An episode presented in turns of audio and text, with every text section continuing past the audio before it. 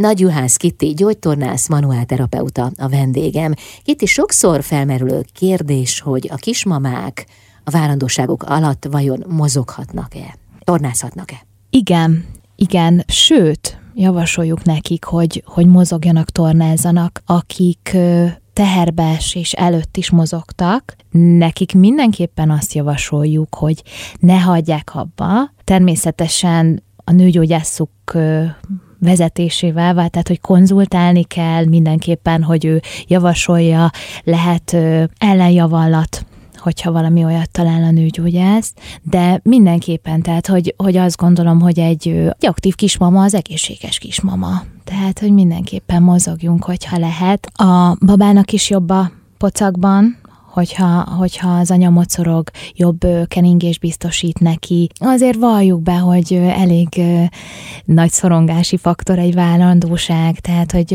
akár a kismama stresszelhet azon, hogy hogyan, hogyan is fogunk most akkor mi családdá épülni. Erre is nagyon jó a mozgás, eltereli a gondolatokat. És hát igen, amiről az előbb is beszéltünk, hogy igenis fájhat a derék, fájhat itt-ott, ott, erre nagyon jó a mozgás. Könnyített mozgásról van szó?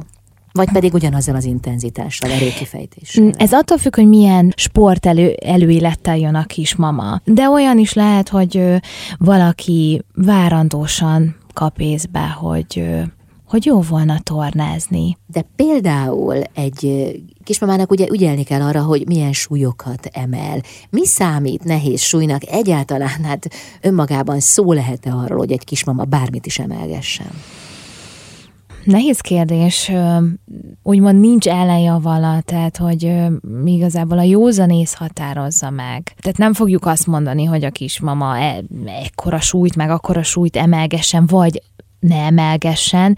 Gondolni kell egy második, harmadik várandóságra, amikor a, a kismamának otthon van mondjuk egy három éves, egy öt éves, tehát hogy, hogy ő, ott, ott, ott igenis, tehát hogy nem mondhatja azt a, a terapeuta, hogy, hogy akkor ne emelje meg. Természetesen van az az egészségügyi állapot, amikor, amikor maximálisan el van tiltva az emelés, vagy esetleg a kismama ágyba kényszerül. De ez többnyire csak átmeneti. Így van, így van, és nagyon ritkán van ilyen.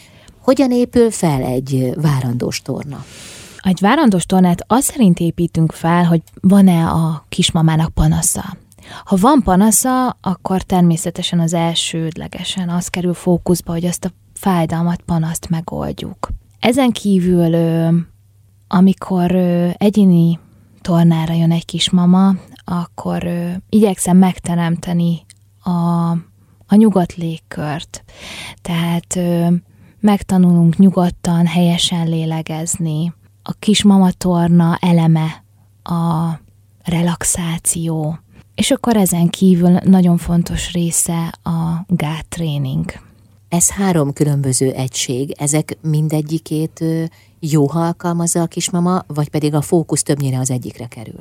Nem, ez, én azt gondolom, hogy ez így komplexen jó, és természetesen kimaradt egy nagyon fontos dolog, hogy mivel ugye megváltozik a statika, megváltozik a kismamának a testtartása, nagyon nagy fókuszt helyezünk arra, hogy ebben a megváltozott helyzetben is a testtartását korrigáljuk. Sőt, hát sokszor ilyenkor kell igazán korrigálni, hiszen ilyenkor éri először nagyobb terhelés a női testet. Így van, így van, így van. Tehát lehetséges, hogy valaki ilyenkor tanul meg megfelelően ülni, állni, egyáltalán testet tartani? Hát én mindenképpen azt javaslom, hogy hogyha valaki így találkozik el először a mozgással, akkor a, a várandóság után is keressen fel egy szakembert, mert teljesen más lesz a testtartás, teljesen más kerül majd fókuszba. Vendégem Nagy Juhász Kitti, gyógytornász és manuálterapeuta.